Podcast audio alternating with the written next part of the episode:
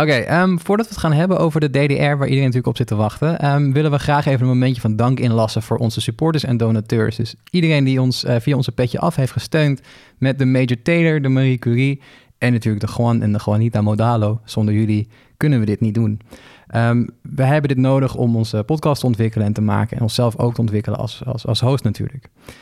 Heb je nu echt geen idee waar we het over hebben?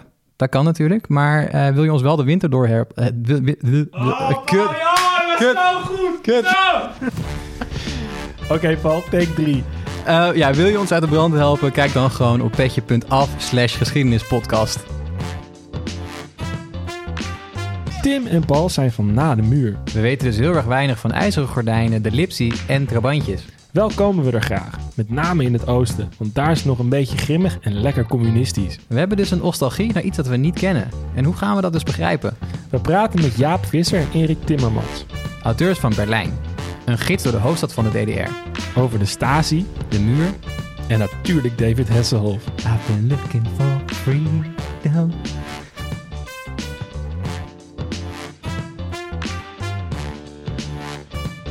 Ehm, we, zijn weer, we zijn weer bezig. In ons podcast Hoofdkwartier. Hoofd, hoofd- podcast hoofdkwartier, uh, coronaproof. Soort of. We Bijna gaan- anderhalve meter, niet te hard zeggen. Ja, niet te hard zeggen.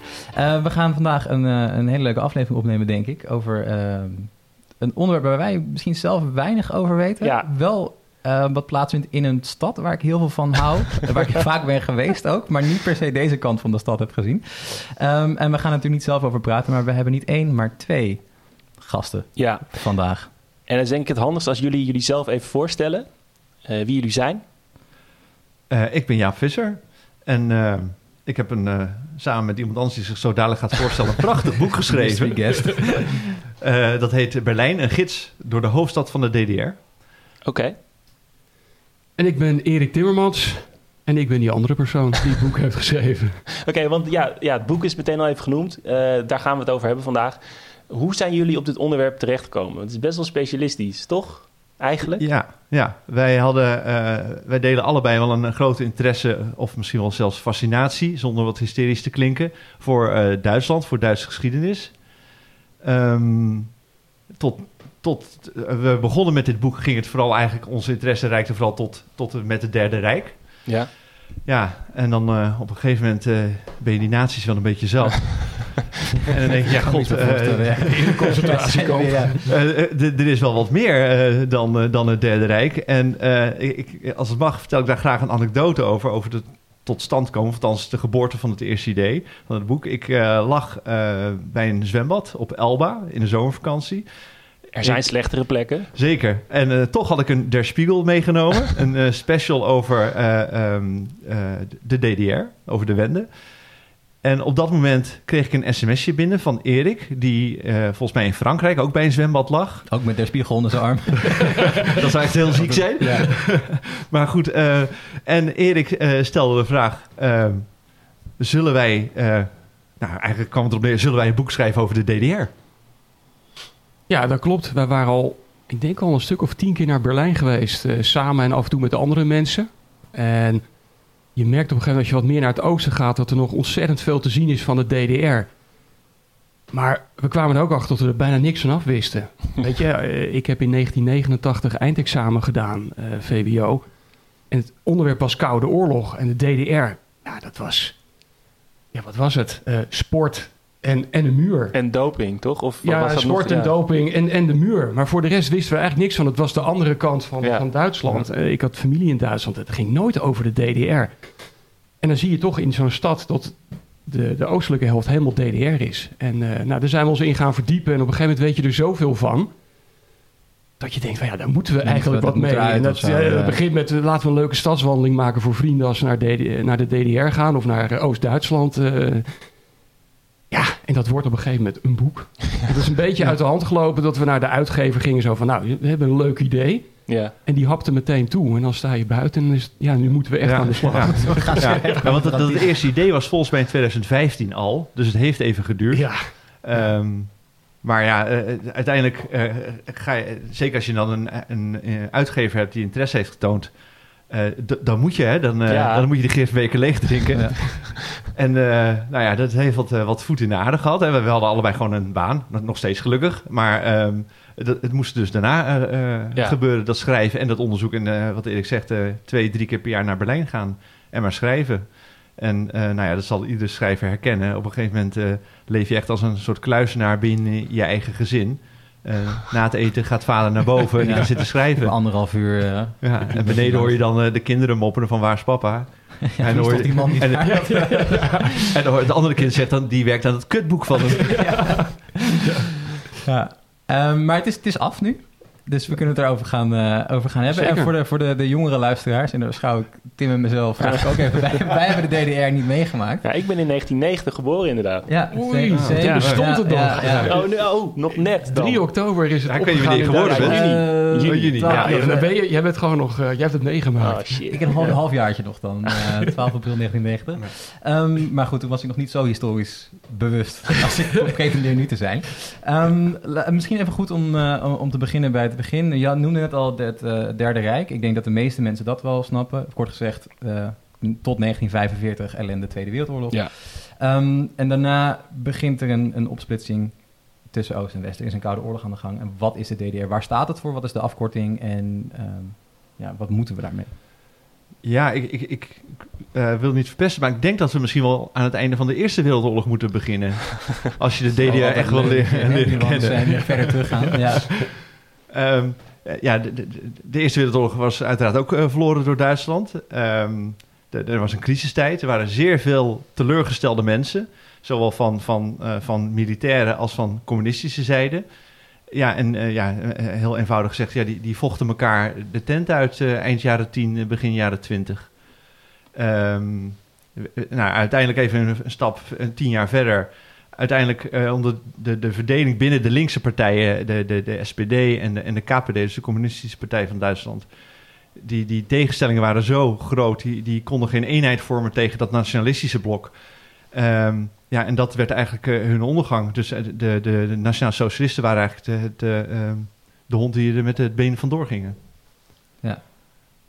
Ja, nou ja, dan krijgen we dus de oorlog eh, wel bekend. Ja. Eh, Duitsland capituleert in, eh, in mei 45. Dan, eh, ja, dan is het uit handen van de Duitsers wat er met Duitsland gebeurt. Eh, Duitsland wordt verdeeld in vier zones. Midden in de Russische zone komt Berlijn te liggen, ook verdeeld in vier zones. Waarom was dat eigenlijk? Het is toch heel onhandig Dat is super onhandig. dat in het dat Russische ook- gebied Ja, dan weer die verdeling zit. Ja, ik denk dat dat ook een kwestie van, van, van, van eer is. Ja, van, prestige eh, prestige, Ja. dat moeten we ook hebben. Het is overigens ook met Wenen gebeurd, hè, in Oostenrijk. Eh, maar dat zal, uiteindelijk zal dat een, een, een belangrijke reden zijn ook voor de muur. Hè? Want die, die, die grens tussen de Duitslanden gaat uiteindelijk al veel eerder dicht. Maar Berlijn blijft open. Dat blijft een, een, automa- of een autonoom bestuurde stad. Waar die, waar, waar die vier partijen een, ja, een, een redelijk open stad met elkaar hebben. Waar je dus van, van oost naar west kunt lopen. Dus als je later wil vluchten vanuit de DDR, dan ga je naar de Russische zone. En, En dan, dan ga je naar het westen. En dan vlieg je naar West-Duitsland. Ja. ja. Koop je Maar- een kaartje voor de metro en de benen. Nou ja, dat is eigenlijk Ja, dat is waren wel- stressvol was dat, hè? Maar daar komen we misschien zo wel op. Maar, dus Duitsland wordt verdeeld in vier zones. Dat worden uiteindelijk twee staten. De Die, nog even, Bondsrepubliek, sorry, die, die vier zones, dat is dan de, de Sovjetkant en de, de de Amerikaanse, Ja. de Engelse en de Franse zone. Ja. De Fransen krijgen ook een zone. Ja. En, eh, eindelijk een revanche voor hun eh, eh, de- Nou. 1871 debacle. Ik mag eindelijk Ja, het is, het is op zich natuurlijk wonderbaarlijk dat zij een eigen gebiedje krijgen. Ik bedoel, ze zijn vernederd eh, in de oorlog. Ze hebben gehuld met de Duitsers grotendeels. Eh, maar ja, er moet toch een soort machtsevenwicht komen in Europa. Eh, ik denk ook dat Engeland eh, nooit in zijn eentje eh, een derde van eh, Duitsland had kunnen betalen en kunnen bezetten. Dus het kwam ze ook wel goed uit. Maar goed, dat is weer een ander verhaal. We krijgen dus de DDR en de, de BRD. Eh, en de DDR ligt in de Sovjetzone. Communistisch land, één partijstaat, eh, onderdeel van het Warschau-pact.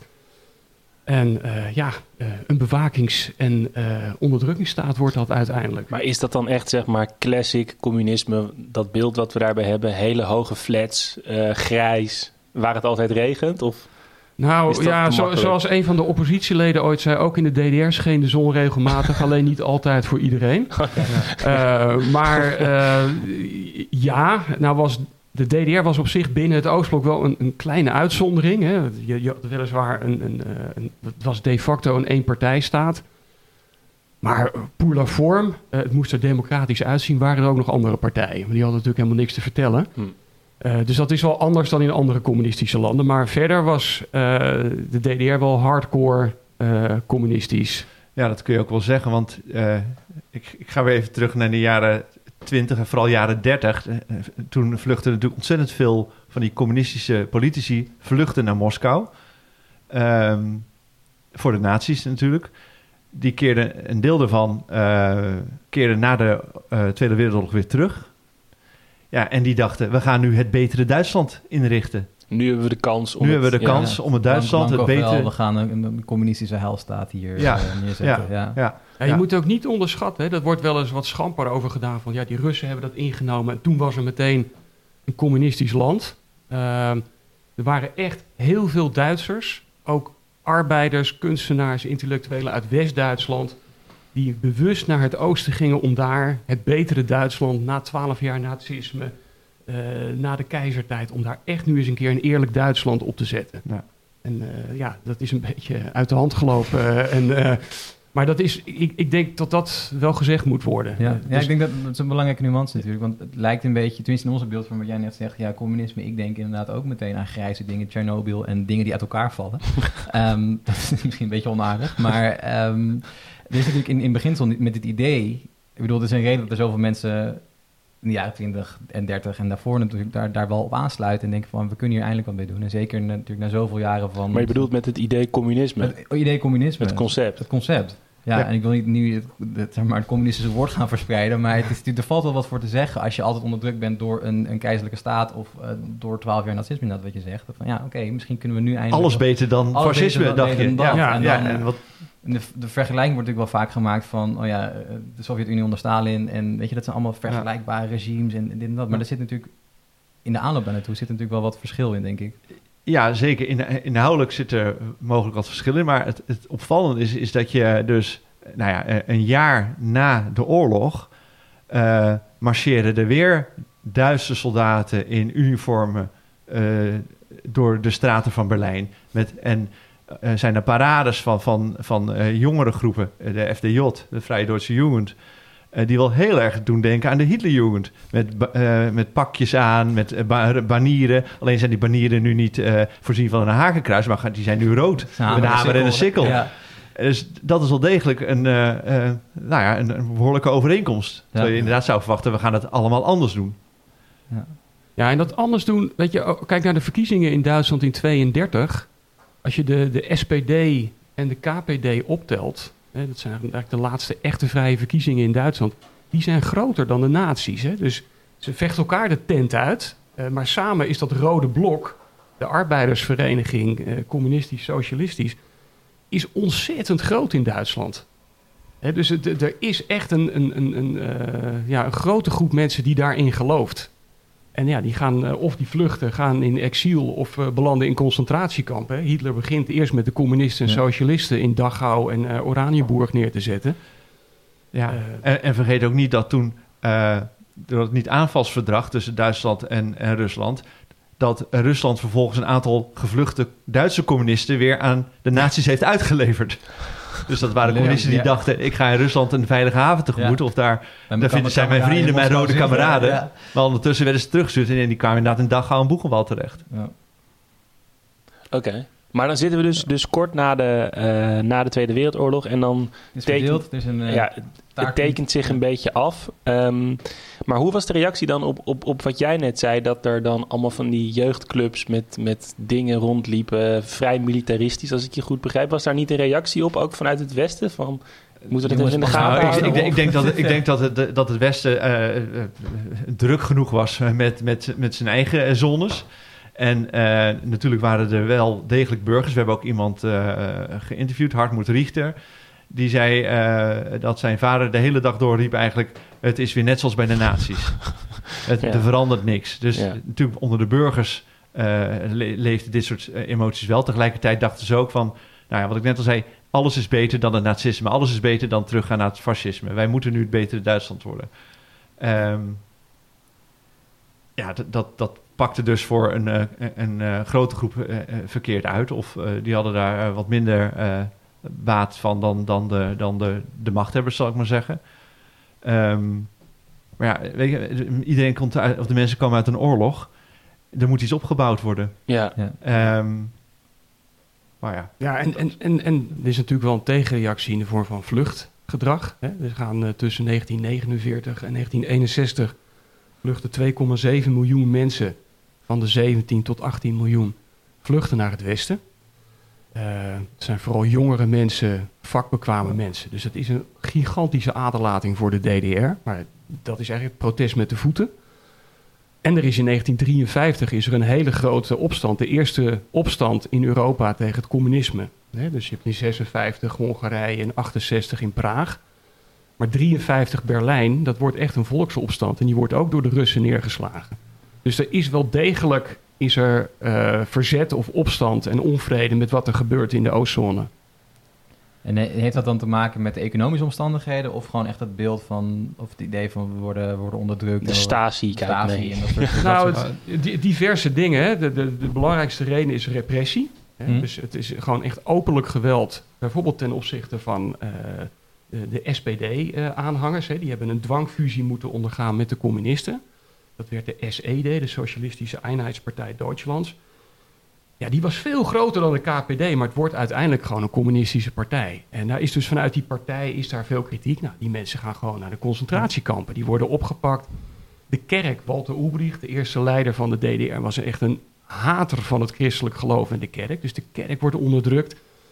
Eh nazi's, hè, na de oorlog, de geallieerden spreken af om nazi's aan te gaan pakken. Dat is in het Westen gebeurt dat echt heel anders.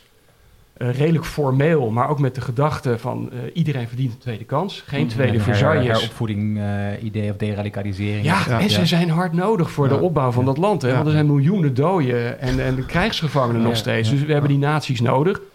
Ja, in de DDR wordt dat anders aangepakt. De Russen gaan met de botte bijl tekeer. En alles wat gevaarlijk is voor een communistische samenleving... dus leraren, advocaten, rechters... die worden er allemaal uitgeflikkerd.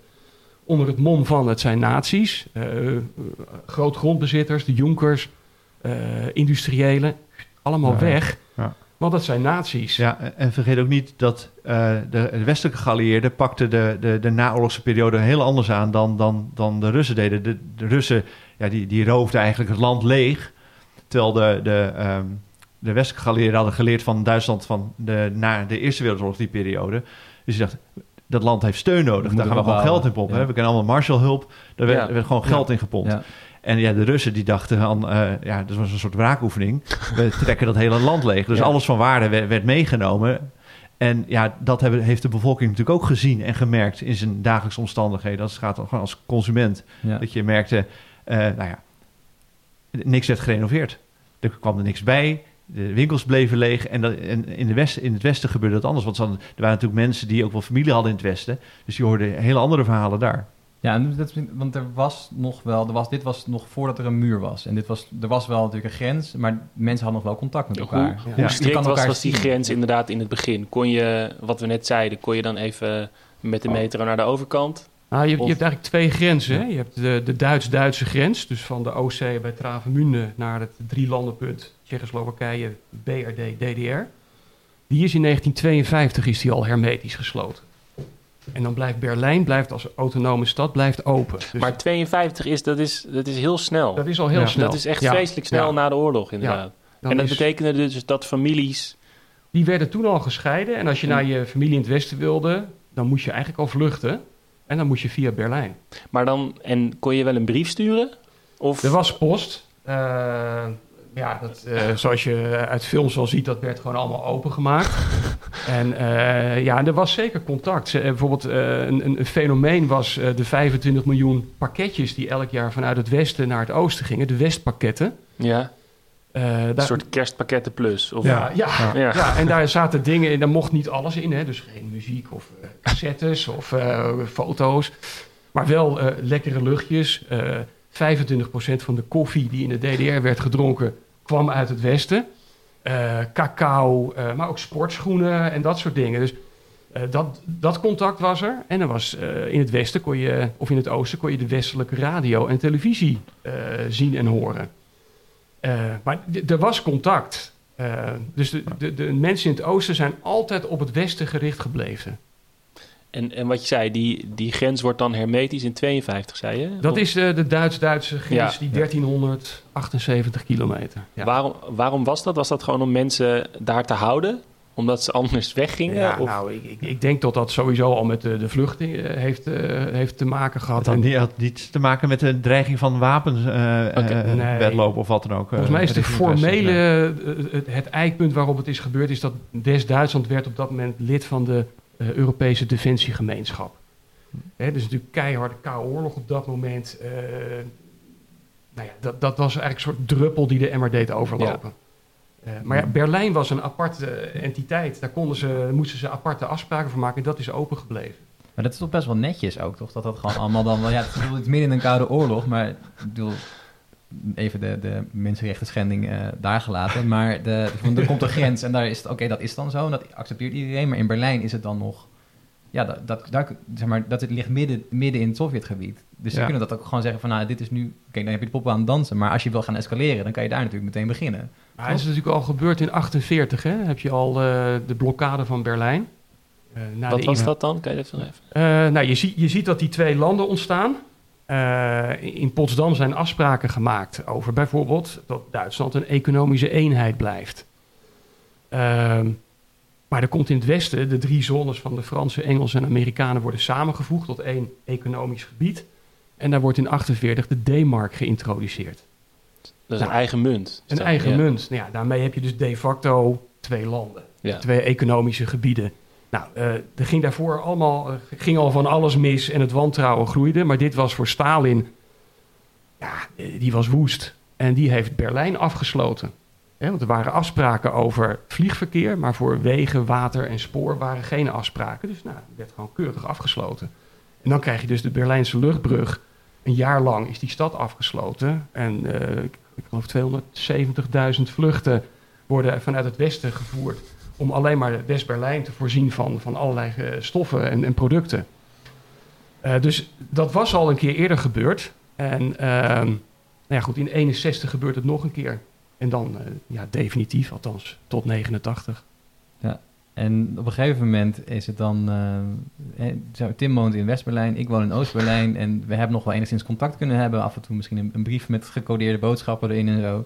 Ehm, maar op een gegeven moment staat daar een blokje om, ligt er wat prikkeldraad. En dat wordt steeds hoger en hoger. En Ja. er komen wat wachthorentjes bij en wat mensen met, eh, met pistolen en geweren. En dan vervolgens kan er helemaal niks. Klopt.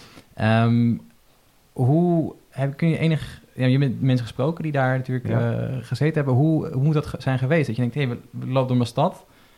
en er staat een gigantische fysieke barrière ineens. In plaats van een grenspost of in plaats van eh, Ja. dat we weten dat het onmogelijk is. Maar je kan er gewoon letterlijk fysiek niet doorheen. Hoe... Nou ja, dat, dat is natuurlijk eh, als zodanig al een absurde situatie. Maar het, het, het kwam ook nog eens als een, verrassing. Nou ja, er werd altijd ontkend, we gaan, eh, hè, eh, eh, we, we, gaan geen muur bouwen, werd er altijd gezegd. En ehm, tot eh 12 augustus 61, of was eigenlijk is het 13 augustus, was, was volgens mij 1, 1 uur s'nachts. Uh, toen begonnen, toen werden de, de, de, rollen prikkeldraad uitgerold. En ja, wat je dan dus hebt is, en zo iemand hebben wij ook gesproken, en, en die, een jongen die toen, een man die toen 12 jaar oud was, die was aan het logeren bij een familie in West-Berlijn. En die wordt ochtends wakker en die kan niet naar zijn ouders, want die woont in Oost-Berlijn. Nou ja, en dat is slechts één geval. Maar ja, er zijn natuurlijk tientallen van dat soort gevallen. Of van mensen die in het oosten werkten en in het westen woonden, of vice versa.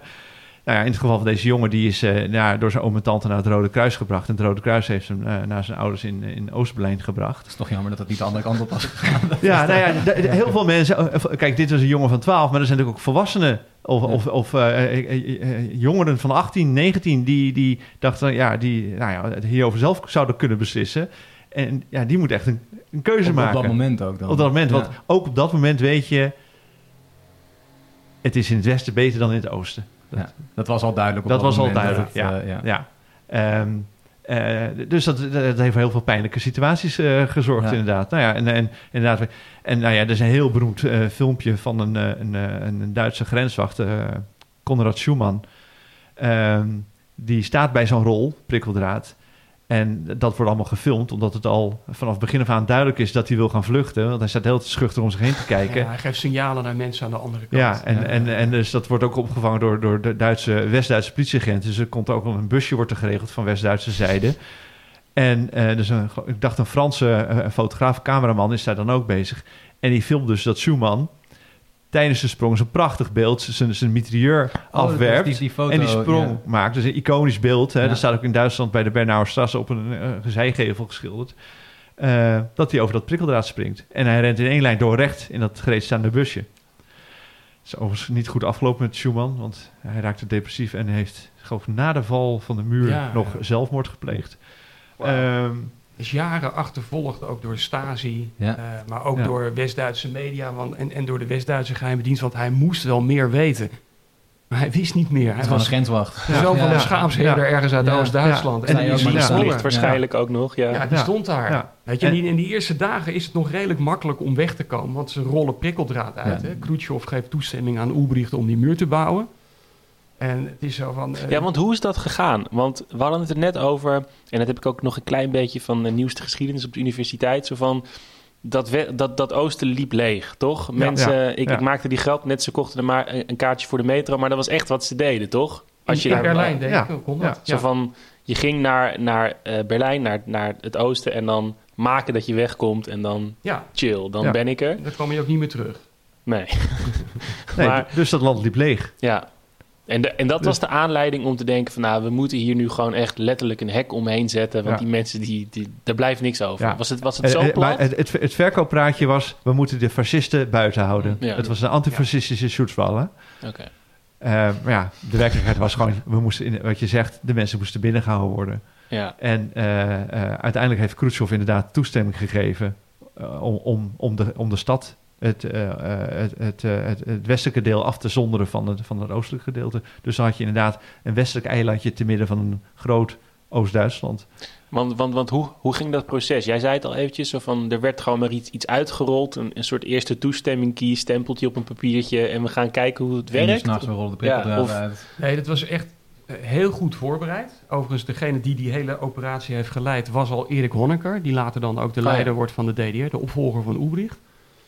Eh, het begon met prikkeldraad. Dus die eerste weken zie je ook dat mensen echt nog kunnen vluchten. Hè? Zoals zo'n Konrad Schumann. Dat is alleen maar een rol eh, prikkeldraad. Die kan nog springen. En je ziet ook in, in allerlei vluchtpogingen. En dat is natuurlijk helemaal om Berlijn heen. Dat is zo'n 150 kilometer, 160 kilometer Ja, dat- daar is nog volop mogelijkheid om, om te vluchten. En dat wordt steeds meer. Eh, Weet je, na een week beginnen ze met het bouwen van muren.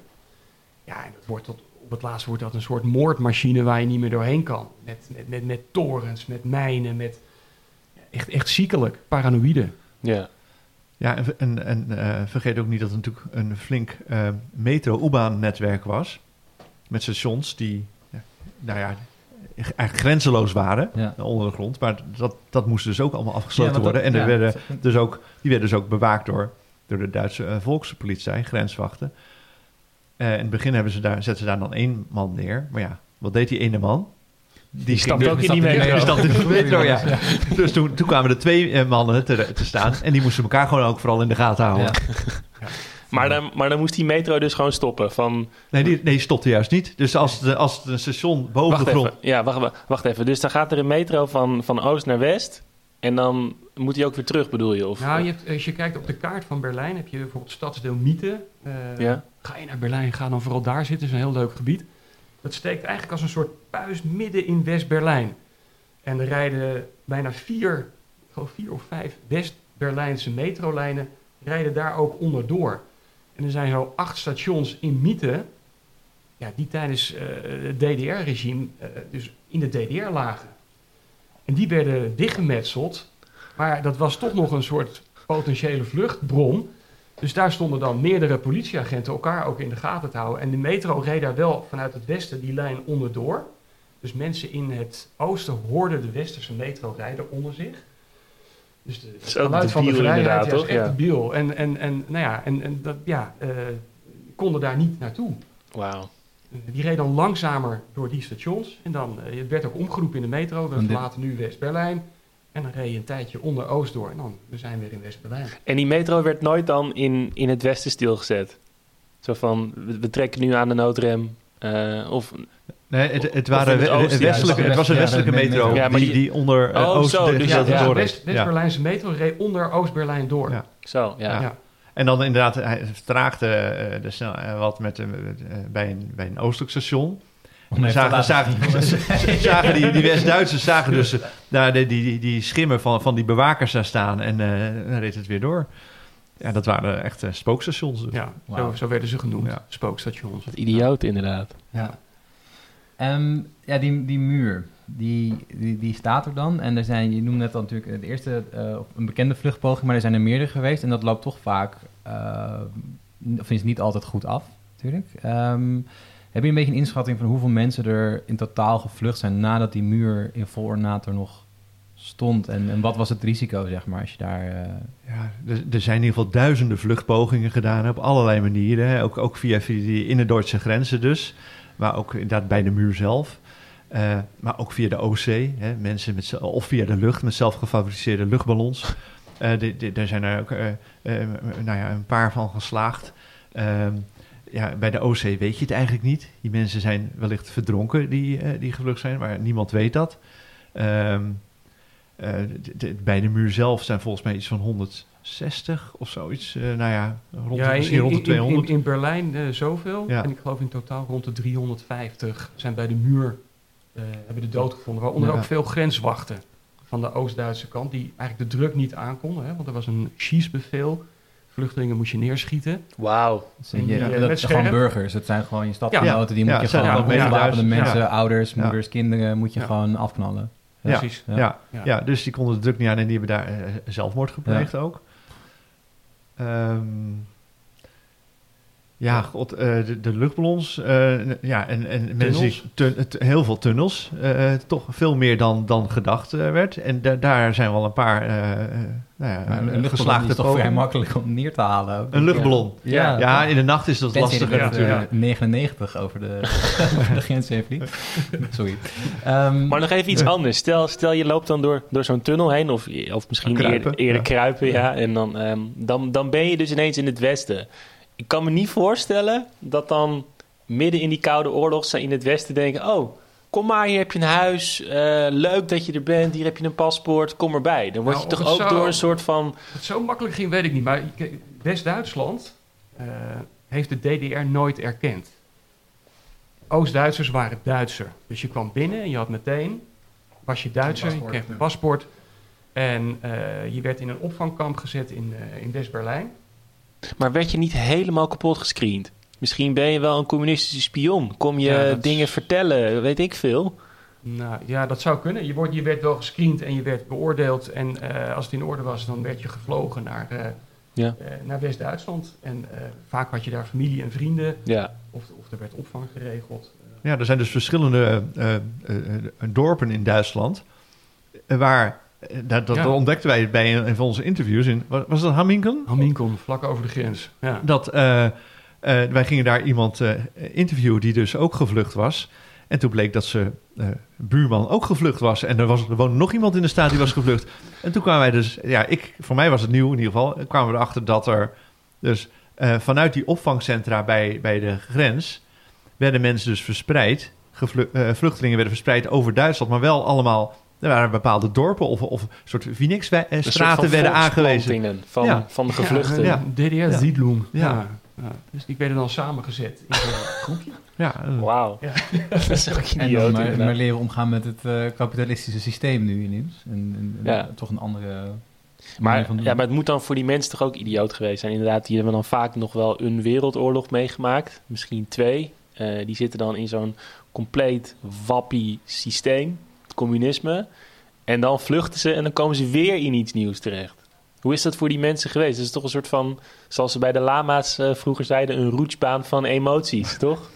Een soort van, je, Ja, je, maakt wat mee. Je, maakt zeker wat mee. En ik denk dat dat eh, misschien in de eerste jaren eh, na de oorlog dat dat nog wel meeviel. Ja. Want, ja, die- iedereen zat in zo'n routjebaan en je had dat communisme nog niet echt meegemaakt. Maar dat zie je natuurlijk wel na de wende in 1989, 90. Daar zitten generaties die zijn opgegroeid met dat communisme, die nooit hebben geleerd enige ambitie te ontwikkelen of initiatief te nemen. En die moeten dan opeens een baan gaan zoeken. Hoe doe je dat in godsnaam? En, Ja. en die, weten, die hebben een staat meegemaakt waarin alles van wieg tot graf werd geregeld. Van je, van je crash tot je pensioen, recht op werk, recht op een woning. En dan moet je opeens alles zelf gaan bedenken. Ja, die, die roesbaan die vond eh, daar voornamelijk Ja? plaats, denk ik, na de wende. Hè? Want het, eh, velen zeggen ook, ja, het was helemaal geen vereniging. Het was een soort eh Eingliederung, eh, een, een overname van, Oh ja. van West-Duitsland, eh, van, de, van de DDR door, door de BRD. Ja, die mensen, inderdaad wat Erik zegt, de, eh, alles was van wieg tot graf geregeld. Hè? Dat is, dat he- een heel kader viel weg.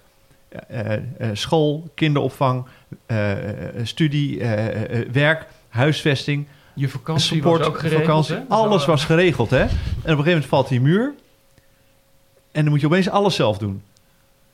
Dus, eh, nou ja, misschien dat we nog, nog over de trooihand komen te spreken. Zo, maar weet je, dus, dus, eh, mensen raakten ook gewoon werkloos. Omdat alle, eh, de industrie en de economie werd kunstmatig natuurlijk in stand gehouden. Dus Ja. dat, dat stopte ook. Dus nou ja, de, de blijdschap van, die men had eh, nadat de muur weg eh, eh, viel... Ja, die veranderde toch wel vrij snel in een enorme teleurstelling bij een hoop mensen. Want die stonden opeens, we moesten naar, naar het eh arbeidsloze ambt gaan om, eh, om eh, zich in te schrijven als Ja. werkzoekende. Ja, dat, dat is natuurlijk. eh, en laten we ook niet vergeten, eh, wij verlangen wel eens nog naar treats in plaats van naar M&M's. Kennen jullie natuurlijk niet. Maar in, in, de Duitse, eh, in de Duitse supermarkten veranderde van de een op de andere dag ook het aanbod. Ja. Dus hè, al die vertrouwde Oost-Duitse producten, die waren verdwenen. En er lag allemaal nieuw spul, wat uiteraard beter was, maar wat onbekend was. Ja. En, en, ja, en, en, en ja, dat, dat zorgt natuurlijk ook voor een enorme Shock. eh, shock. Ja, en, en teleurstelling. Een in je Ja. eigen land of Ja, zo. ja. een op de andere Eh, dag. ze, ja. ze noemen het ook wel een emigratie in eigen heimaat. Eh, alles verdwijnt en ook niks is meer goed. Hè? Dus al die producten verdwijnen, want het uit het beste, westen is beter. En eh, ja, dat, dat, dat heeft kwaad bloed gezet, maar ook vooral het gevoel van minderwaardigheid. We zijn tweederangs burgers. Eigenlijk het leven wat wij hebben geleid, dat stelde niks voor. Hè? Eh, zo werd het ook wel een beetje gebracht. Is, ja, dat is toch Hoe is dat nu dan? Is daar nog, nog steeds een verschil in in Duitsland? Dat je merkt van, Nou, er is net, eh, als je het hebt over dit gevoel, ja, Dat is natuurlijk bij de jongere generaties zo, zo goed als weg. Hm. Maar bij 50 plus, 60 plus, het laatste onderzoek laat toch wel zien tot met name 60 plus, dit gevoel nog steeds wel heeft. Ja, en ik las ook een onderzoek eh, van de week dat er zelfs de- dat er nu een soort tweede generatiesyndroom is. Dus van eh, mensen van jullie leeftijd, die dus eigenlijk nooit de muur bewust hebben meegemaakt, of überhaupt niet, dat die ook last hebben van, van Ja, het wegvallen het van gevoel. de muur. Ja. Ja, Maar ja, en, muursyndroom. ja, en misschien dat ze wel iets hebben meegekregen van hun ouders of grootouders, maar. En maar inderdaad, de term eh Besserwessies und Jammerossies bestaat nog steeds. Weet je wel? Dus de, de, de, de, de, de eh, West-Duitsers, West-Blijners worden afgeschilderd als arrogant. En de Ossies die zijn altijd ontevreden en blijven maar jammeren. Ehm, terwijl ze het nu toch zo goed hebben, hè? ja. is het al het Maar verhaal het van je ziet het nog steeds, een heel, misschien een beetje een vaag zijstapje, maar je ziet het bijvoorbeeld ook gewoon in de Bundesliga. Dat daar de... de Wat? ja, het is heel Wat? raar dat ik het zeg, maar... Nee, nee, dat de is- voor mij is het helemaal niet raar. Zeg maar de grote voetbalclubs, dat zijn allemaal, zitten allemaal in het westen. Ja. En dan moet ik even goed... Leipzig, dat, Dat, is... is, eh, dat is wel Oost. Dat is Maar Oost, met, maar dat- dat is eh, met allemaal Red Bull- Red Bull zelf. gehad. Ja. sinds kort. Ja. Maar Berlijn bijvoorbeeld ook heel lang geen eh, eh, profclubs op het hoogste niveau gehad bijvoorbeeld. En dat is natuurlijk een heel... Ah, sinds eh, dit seizoen, hè? Sinds seizoen Ja. 19, eh, Ja. of 2020, 2019, 2020. Ja, maar het de, dus, de rest eh, is natuurlijk allemaal Union. of uit eh, eh, het Roergebied of, of München en, en Hamburg. Nee, maar dat is een terechte, terechte eh, eh, constatering. Want je ziet het ook bij de industrie. In de industrie, je ziet het bij de, eh, in de wetenschap. Bijvoorbeeld vorige week, of twee weken geleden, is er voor het eerst een, een rector benoemd aan een universiteit die van oorsprong Oost-Duits is. Dus ook de Oost-Duitse universiteiten. Dus twee, eh, twee weken geleden, dat, dat, is, dat is begin oktober 2020. Ja. Ja. Goeie 30 jaar. Ja. ja, Oké. ja. Ja, nee, de- de- dus, ja, een dus, glazen plafond voor de ja, dus die. Ja, de muur viel er weg en er kwam er dus een enorme... eh, nou ja, hoe, ze- wat is het tegenovergestelde van een brain drain? Een, een, een brain golf, een Een brain wave. brainwave. brain wave. Ja. Ja. K- kwam richting het oosten van, van hoogopgeleide, ambitieuze mensen die daar eh, al dan niet onder invloed van politiek, eh, ehm, nou ja, posities innamen bij grote concerns, grote bedrijven daar gingen opzetten. En dus ook ehm, nou, in, de, in de wetenschap eh, hun, plek innamen. 2% van het totale topmanagement heeft een OSSI verleden. Wat zei je? Twee... 2, 2% van het, eh, het topmanagement in, de DD, of in, in, in West-Duitsland, of nu Duitsland, heeft een OSSI verleden. Dat is idioot. Weet je, ja. dus dat, is, dat zet ook nog steeds Maar een er, gevoel er is van... er één volgens mij, die staat redelijk bovenaan. Die ja, nee, dat oosten. klopt. Dat klopt. Ehm, Uh, Angela Merkel natuurlijk, ja. Overigens ook van oorsprong een Wessie. Die is met de vader naar het oosten gegaan. Hè? ah, oké. Dat, eh, ja. Maar ehm, d- d- d- dat klopt. Maar Ja. het is toch, hè, er wordt nog steeds minder betaald. De werkloosheid is, eh, is nog steeds hoger. Eh, en het trekt langzaam maar zeker bij. En bepaalde steden, eh, hippe steden als, als, eh, nou ja, als Leipzig en, en Dresden... ja, die, die, die doen het goed. En daar trekken ook mensen naartoe. Maar voor de rest ontvolkt dat land... en is er nog steeds een veel hogere werkloosheid... dan in de rest van Duitsland. Dus er, er- er zit echt nog wel...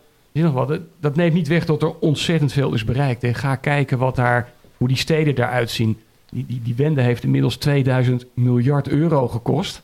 Helmoet Kool kondigde destijds aan. Met een paar miljard D-mark zijn we er Zijn wel. we er wel. Eh, maar dat zie je ook wel terug. Maar ja, de- de- er zit toch nog steeds echt een verschil.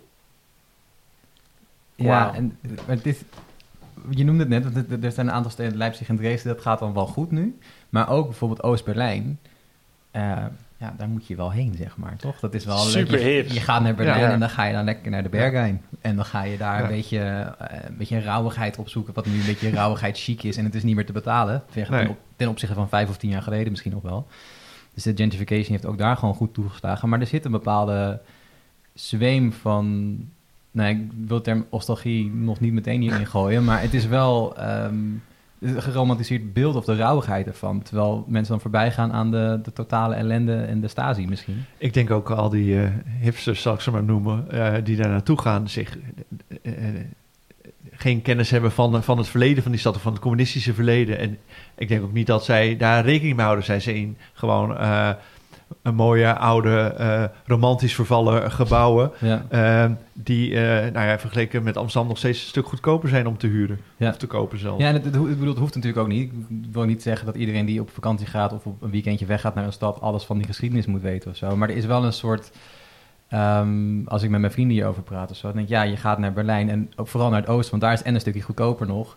En het is gewoon wat, wat rauwer, industriëler. En dan, dan sta je daar tot, tot zes uur s- s'nachts of de hele nacht door, de hele dag door in Ja. een of andere bunker met, eh, Ja. met veel te hard geluid. En dat is dan heel leuk. Maar als je daarna de dag daarna of twee dagen daarna naar het DDR-museum gaat, dan is het toch wat, eh, wat minder of zo. Ja, of, neem de metro eens en dan helemaal naar het eindpunt in het oosten. Dan eh, kom je in zo'n grauwe plattenboutenwijk. Ja. dan zie je echt nog wel het verschil hoor. Ja? ja, want als je nu eh, de Prins Lauwenberg, Mouwenpark, allemaal hartstikke leuk. Ja, Nee, je, je moet, Dat- je, je, dat, dat is inderdaad eh, een proces dat zich in iedere grote stad vol, voltrekt natuurlijk. Hè? Eh, en eh, dus ook voor Berlijn geldt. Om, om de, de echte rauwigheid, de echte eh, eh, de deprimerende gebouwen, omgeving tegen te komen... dan moet je gewoon steeds verder weg. En inderdaad, eh, eh, dan moet je eh, de, de metro's nemen. Wij hebben trouwens gefietst naar, naar Hellersdorf. Nou, dan eh, kijk je je ogen uit.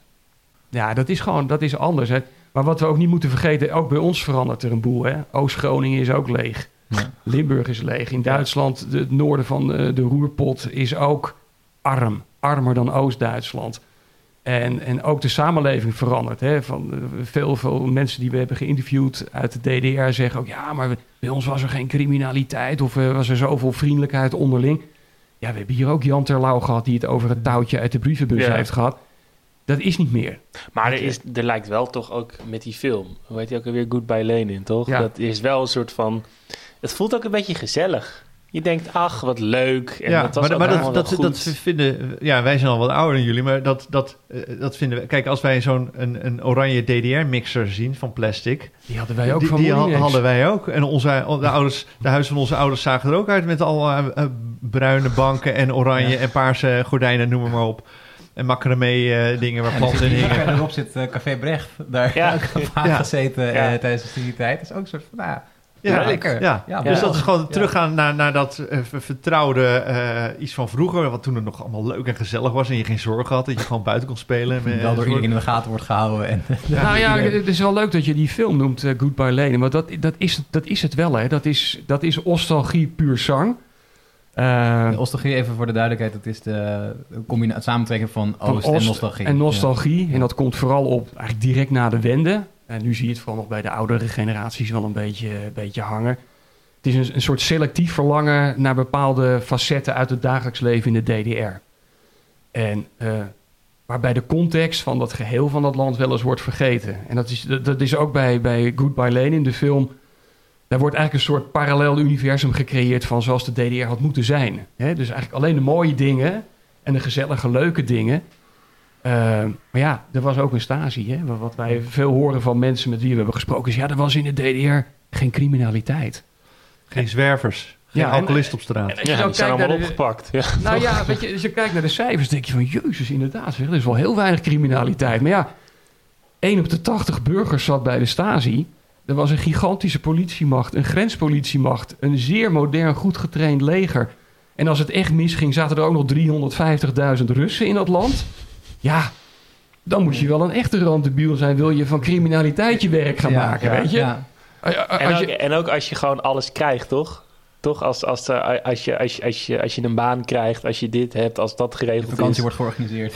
dan, dan heb je toch ook niet echt een soort incentive Nou ja, het is, het is voor natuurlijk meer. wel of- zo van bijvoorbeeld voor je, voor je, voor je huis. Hè, als je daar, ga je naar zo'n modelwoning in Hellersdorf, dan kan je zo'n zo'n oude platbouw kan je bezoeken en dan hoe dat eruit zag met de originele meubels. Nou, dat kostte geloof ik 120 osmark per maand om te huren voor een heel appartement. Maar de, de televisie was 4000 mark. Hè, dus de luxe producten, Ja, oké. de, de basis was allemaal fantastisch geregeld. Er was bier, er was brood, er waren aardappels. Worst. eh, Ja, de- wat willen worst. nog meer? Ja. Nou ja, eigenlijk, ja, je- Ja. Je moet, weet je, ook dat is weer... Die mannetjes die die DDR hebben ingericht... die hadden de crisis meegemaakt. Die hadden een oorlog meegemaakt. Die hebben in de gevangenis gezeten. Voor hen was het communisme, dak boven je hoofd, werk. Gewoon eten. En dan was het goed. Ja. Ja, Ja. En, en, daarmee verschillen ze niet eens, denk ik, van de, van de oude mannetjes die hier in de jaren 50 Nee, dat eh, aan de ook. macht waren. hè? En die zich eh, zorgen maakten over, over, de, over de jeugd, de ontsporing van de jeugd, de invloed van de Amerikaanse eh, entertainmentindustrie. Dat was daar ook was dat eh, het geval. Ehm, eh, ze zagen bijvoorbeeld dat rock and roll populair werd. Ja, dat kon niet zo zijn. Nee. Dus er werd een alternatief voor bedacht. Een alternatieve dans. De Lipsy.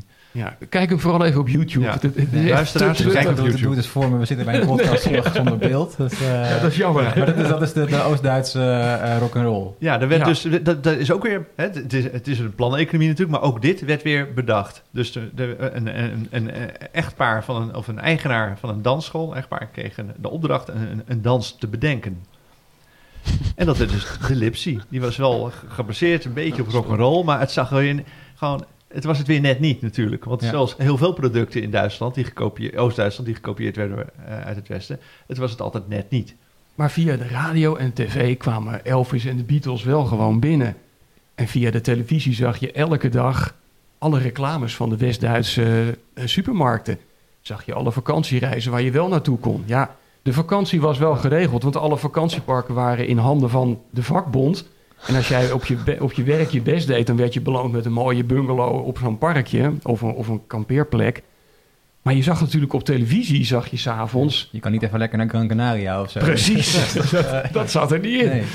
Dus dat verlangen bleef continu. En eh, Ja, over die televisie. de- inderdaad, iedereen keek gewoon West-Fernseh. hè? Iedereen keek ernaar. En niemand praatte erover, maar iedereen wist, ja, iedereen kijkt ernaar.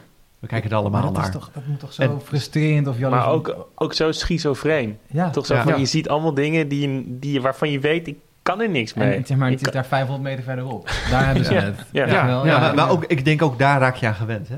Ja.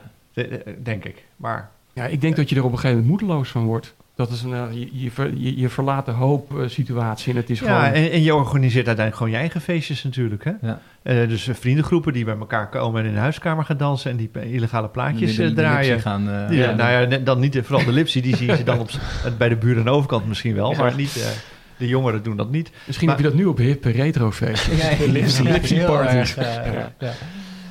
Maar, maar dit is ook wel even nog eh, goed om nog misschien iets langer bij stil te staan. De wende. Eh, we hebben het al wel een aantal keer aangestipt. Want als je vanuit dit gevoel dan ga- gaat redeneren, zo van. eh het is allemaal vreselijk, dingen die niet bereikbaar zijn. Je, hebt het, je, je, je weet wat het is, maar je, je kan het niet pakken. Hoe groot was die ontlading toen? Was dat echt zo van mensen helemaal in gekkigheid op straat? Nou ja, kijk, op YouTube kan je gelukkig, eh, dan hebben we dat nu allemaal, dan kun je al die filmpjes terugzien. Heb je een persconferentie waar- waarbij enigszins door Schabowski eh, wordt gezegd dat de grenzen open zijn. Of Wie gaande. was dat, Saboski? Schabowski. Wie is de dat? communicatieman van het Politbureau, het hoogste orgaan Ja. van de DDR. Die eh, gaf op eh, 9 november 1989 gaf hij een persconferentie. Hè, de- de- de- er was al een fluwele revolutie gaande Ja. in het land. Ja, er waren al maanden, waren er eh, wekelijks, meerdere dagen per week, waren er demonstraties in Berlijn en in Leipzig. Hè? Dus Ja. eh, het, de, de broeide enorm wat. Ja, en, en eh, op 9 november, partij die moet wat. En dan uiteindelijk is de laatste stap, we gaan een reisregeling introduceren voor het volk. Dan kunnen ze vrij reizen naar het westen. Nou, en hij kondigt dat ding aan in een twee uur durende praatsessie. Een, zo'n persconferentie. Ja, klassieke ja, communistische ja, persconferentie. En op een gegeven moment, een journalist vraagt van ja, en wanneer gaat hij dan, eh, wanneer gaat dit in werking? En dan zegt hij, eh, nou, nou, voor mijn gevoel, eh, vanaf nu. Maar het was de bedoeling dat het pas de volgende dag zou gebeuren. En Hij weet het ook niet zeker, hè? Je ziet hem, hij, is met blaadjes in de weer, hij is aan het bladeren, hij weet het niet Ja. zeker. Ja. En, en achteraf zei hij, nee, dat was vooropgezet of dat was wel duidelijk. Maar het is, uit alles blijkt, dit was niet de bedoeling. En sterker nog, en hieruit blijkt wel de, de naïviteit eigenlijk, van de, of de wereldvreemdheid van die machthebbers. Ja. Hij zegt, hè, ab sofort, meteen gaat dat in. En mensen zitten, kijken ernaar, luisteren naar, die denken, en iedereen stapt op uit zijn, uit zijn bank, gewoon zijn stoel, en gaat de straat op en gaat naar die grensovergangen. en die grenswachten weten niet wat er nou overkomt. Die zijn niet geïnformeerd. Het- nee, ze zijn niet uiteindelijk is het daar levensgevaarlijk, want iedereen staat te drammen. Ja. Ja. En zij gooien zelf maar die poort Ja, maar dat open. is natuurlijk... Want het, Maar zo is het gegaan. Zo is het Ja. gegaan. Ja. Zo Mensen stonden makkelijk. Half twaalf s'avonds Ja. hebben ze uiteindelijk de poort Maar dat, dat is toch bizar, want we zien het nu... En op dat moment, als je weet, oké, dit gaat goed aflopen... dan... Nu zien we het als een feestmoment. En ik ooit een keer mij gevraagd... als je een tijdmachine had, waar zou je dan... Zou er één avond zijn in de geschiedenis waar je naartoe wil? Nou, dat lijkt me een leuk feestje om bij te zijn. Ja. Ik Ja. zou toch de slag bij Hastings Slag kiezen. bij Maar dat, is zijn ding, eh, Tim. Ehm, welke kant dan? Maar, ehm, het had daar ook een gigantisch bloedbad kunnen worden. Want die, die, die grensbewaking waar we het in het begin over hadden... die hadden een schietbevel. Dus die kunnen daar ook gewoon... Ja, en er hoeft maar één, één maar, Er hoeft maar één iemand te commandant hoeft maar gezegd te hebben. bevel iets bevel. Ja, Ja, ja, maar- ja, ja, nee, ja, ja, ja, nou dat- maar- ga, ga maar los, schiet maar. Formeel was er nog een schietbevel, hè? Dus het was eh, niet Maar de- de- dan de mensen ter plekke dachten, ja, dit, dit, dit kan niet. Je kunt niet honderden mensen gaan beschieten. nou ja, op een Want gegeven daarover moment hebben we het, geen kogels meer. Maar om het even heel, heel, heel plat te maken. Maar je- anders had... Ja, ja. ja, je, het, er hadden waar wel echt heel veel doden kunnen vallen natuurlijk. Ja, en, ja. Er waren al wat stappen gezet. Hè? Je hebt op 7 oktober dat jaar ehm, eh, heb je de viering van eh 40 jaar DDR. Daar zijn demonstraties die avond. Gorbachev is in Berlijn en iedereen staat om Gorby te, te brullen.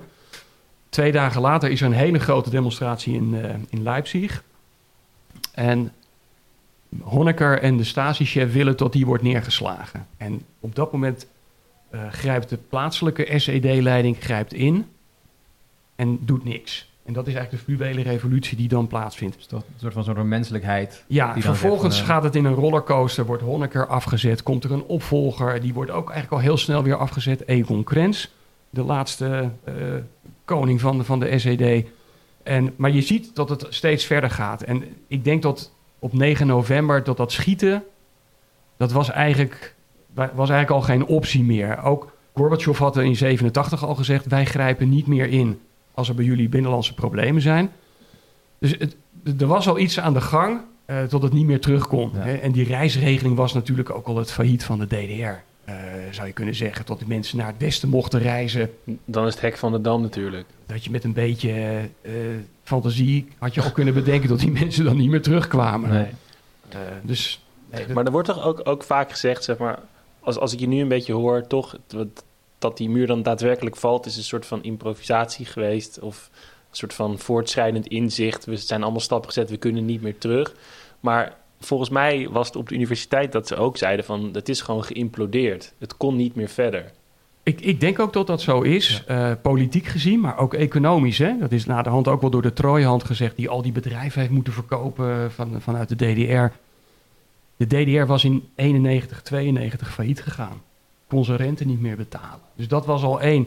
Het volk was volledig moedeloos. De demonstraties elke dag. Het systeem was gewoon op, was kapot. En eh, dus dat, het is echt een implodering van het hele systeem.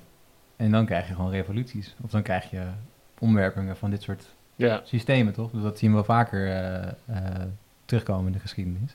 En dan sta je daar in één keer met David Hasselhoff. En, eh, Mooi, hè? Ja, Ja. ik- nog even, weet je, waarom is hij zo belangrijk daar? Wat, wat, En volgens mij was hij gewoon heel populair in Duitsland al. Ja, dat, dat sowieso. Er ja. zijn sowieso Ja. bedenkelijke artiesten die in Duitsland heel populair waren, waar wij niet...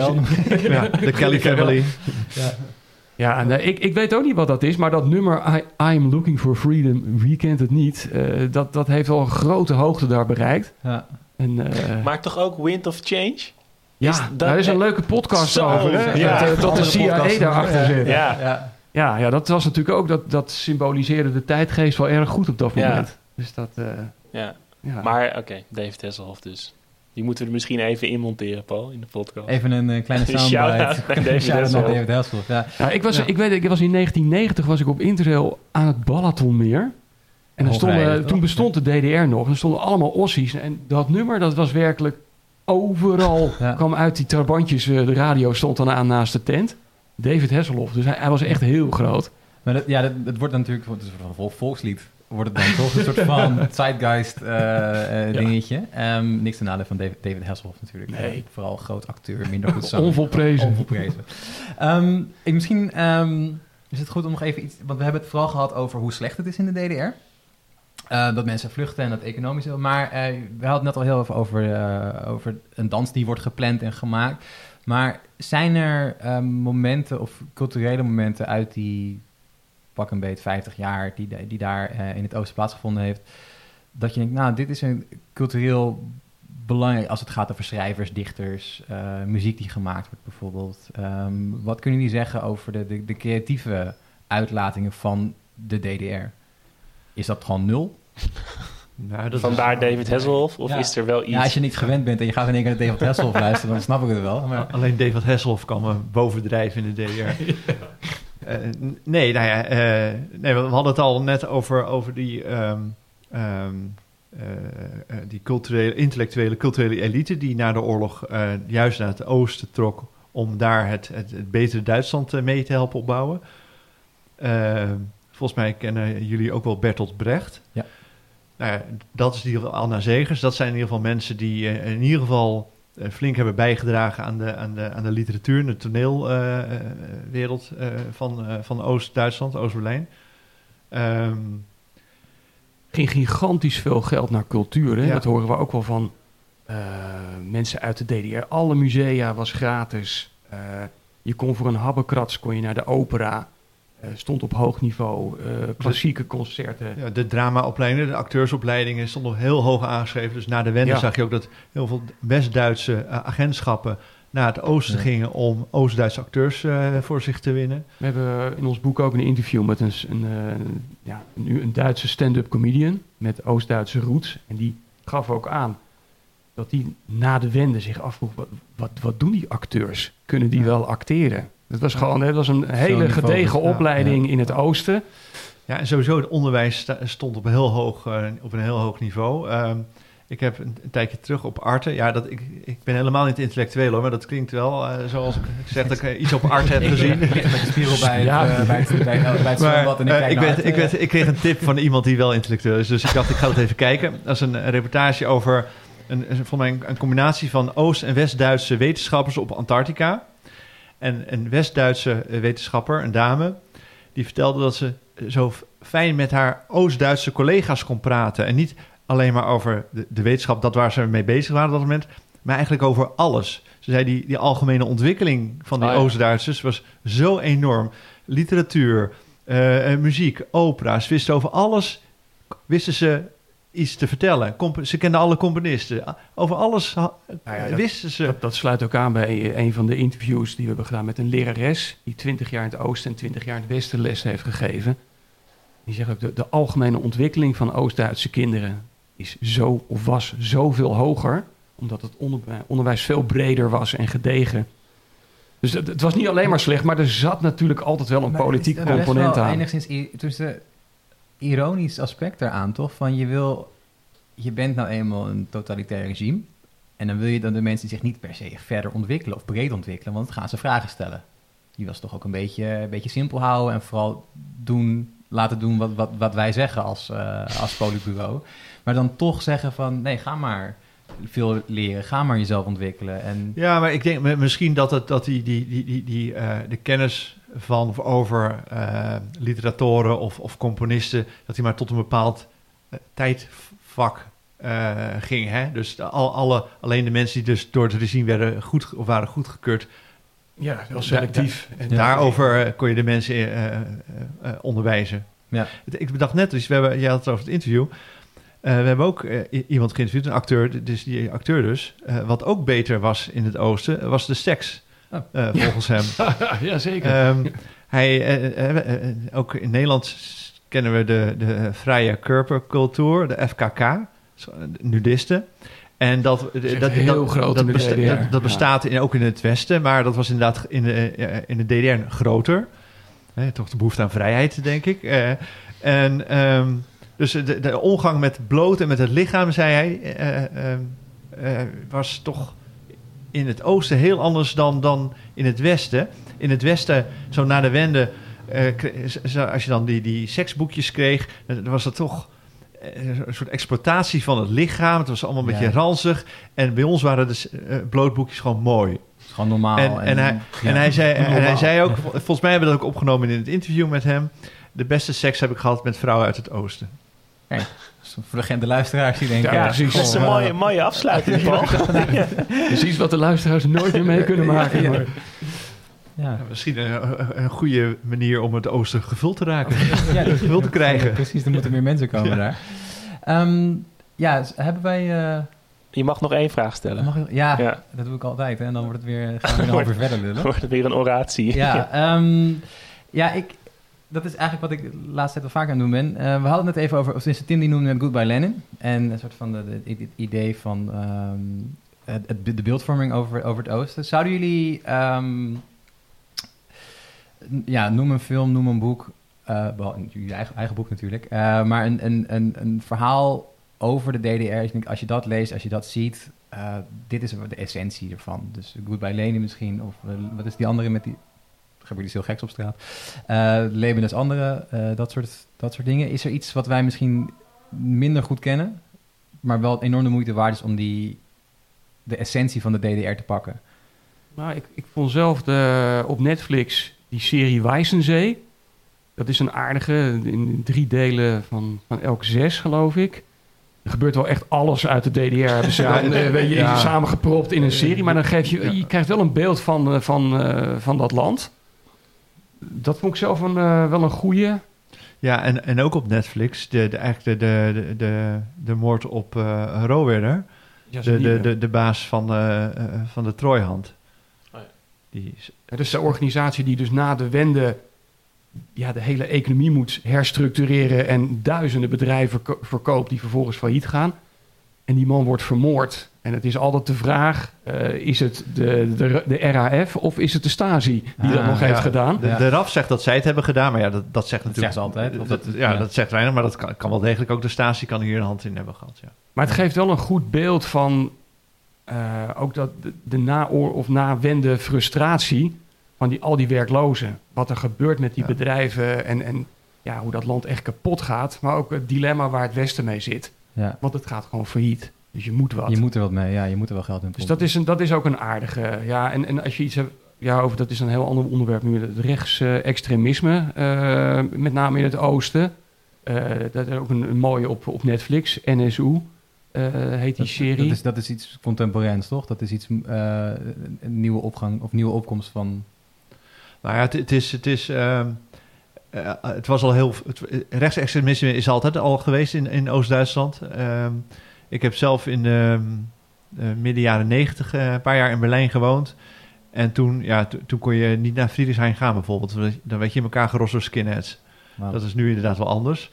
Ja, en ik denk, ja, dat rechtsextremisme komt natuurlijk ook voort uit een enorme ontevredenheid eh, over de situatie waarin je zit, over, de, over hoe je bent behandeld. En eh, ik denk dat er in het, in het oosten nog steeds relatief veel meer wordt, rechts, extreem rechts wordt gestemd dan in het, eh, dan in het In het westen. westen, ja. Maar met uitzondering van de steden trouwens, daar zie je ook gewoon dat de, dat de De linken, groene linken. Ja. ja. dus in Leipzig, in, in Dresden en, en in Berlijn natuurlijk, eh, Ja, het is allemaal lekker progressief en, eh, en links, maar niet te, niet te links, dat het weer communistisch gaat worden. Want daar- Maar ja, de, Nou ja, in de Berlijn linken, heb je- ja, die stammen daar wel vanaf. Ja. Ja. En die, die spelen daar nog wel op in. Eh, maar dat doet trouwens de AFD, de, de, de Alternatief ultra-rechts. Ja. Die doen dat ook. Hè. Kijk naar die posters die ze gebruiken. Vol ende die wenden of sind als volk. Allemaal slogans uit, uit de fluwele revolutie... Ja. om op dat onderbuikgevoel van, van de Ossie in te spelen. Dus dat wordt nog steeds gebruikt. De DDR is ook op dat vlak nog steeds aanwezig. Zo, eh, Dat is ook een leuke, Ja. leuke afsluiter na die Ja. opmerking over de Van seks naar Ja. AFD eh, Ja. kunnen we nog iets bedenken. ja, eh, gone but not forgotten, die DDR. Ja. Ja. Alright. ehm, eh, Bedankt. Ja, Ja. nog even één keer de, de titel van jullie boek. Ja. Die ligt hier voor ons. Ehm, staat erop Erik Timmermans, Jaap Visser. Berlijn, een gids door de hoofdstad van de DDR. Deze is nu gewoon, hij is uit. Je kan hem halen bij de Ja, hij is, wij, wij hebben ehm, eh, eh, 7 november, donderdag 7 november eh, vorig jaar, 2019, hebben we het boek gepresenteerd bij Martyrium in Amsterdam. En, ehm, want op 9 november eh, was de muur 30 jaar Ja. weg, dus dat, dat, die datum wilden we zeker voor zijn. Eh, maar eh, het is nog steeds een actueel boek. En eh, voor, voor iemand die geïnteresseerd is in, in Duitse geschiedenis, in, eh, maar ook als reisgids naar Berlijn, is het, is het een mooi boek om mee te nemen. Oké. Ja, en je kan ons ook volgen op eh, Instagram en Facebook, waar we pagina's hebben met elke week meerdere weetjes over de DDR. Met leuke ja. foto's en filmpjes. Nice, Oké. alright. Eh, enorm bedankt voor jullie, eh, voor jullie komst en eh, eh, jullie verhalen over eh, deze opmerkelijke prachtige geschiedenis. Nou, dankjewel. Dankjewel. Jullie ook dank. Ja.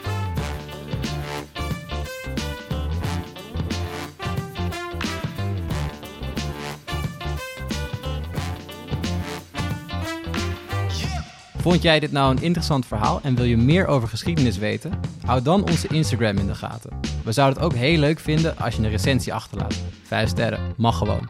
En heb je nou een vet idee waar we het over kunnen hebben? Slide dan in onze DM's. Durf gewoon te vragen. Tot de volgende. Groetjes thuis.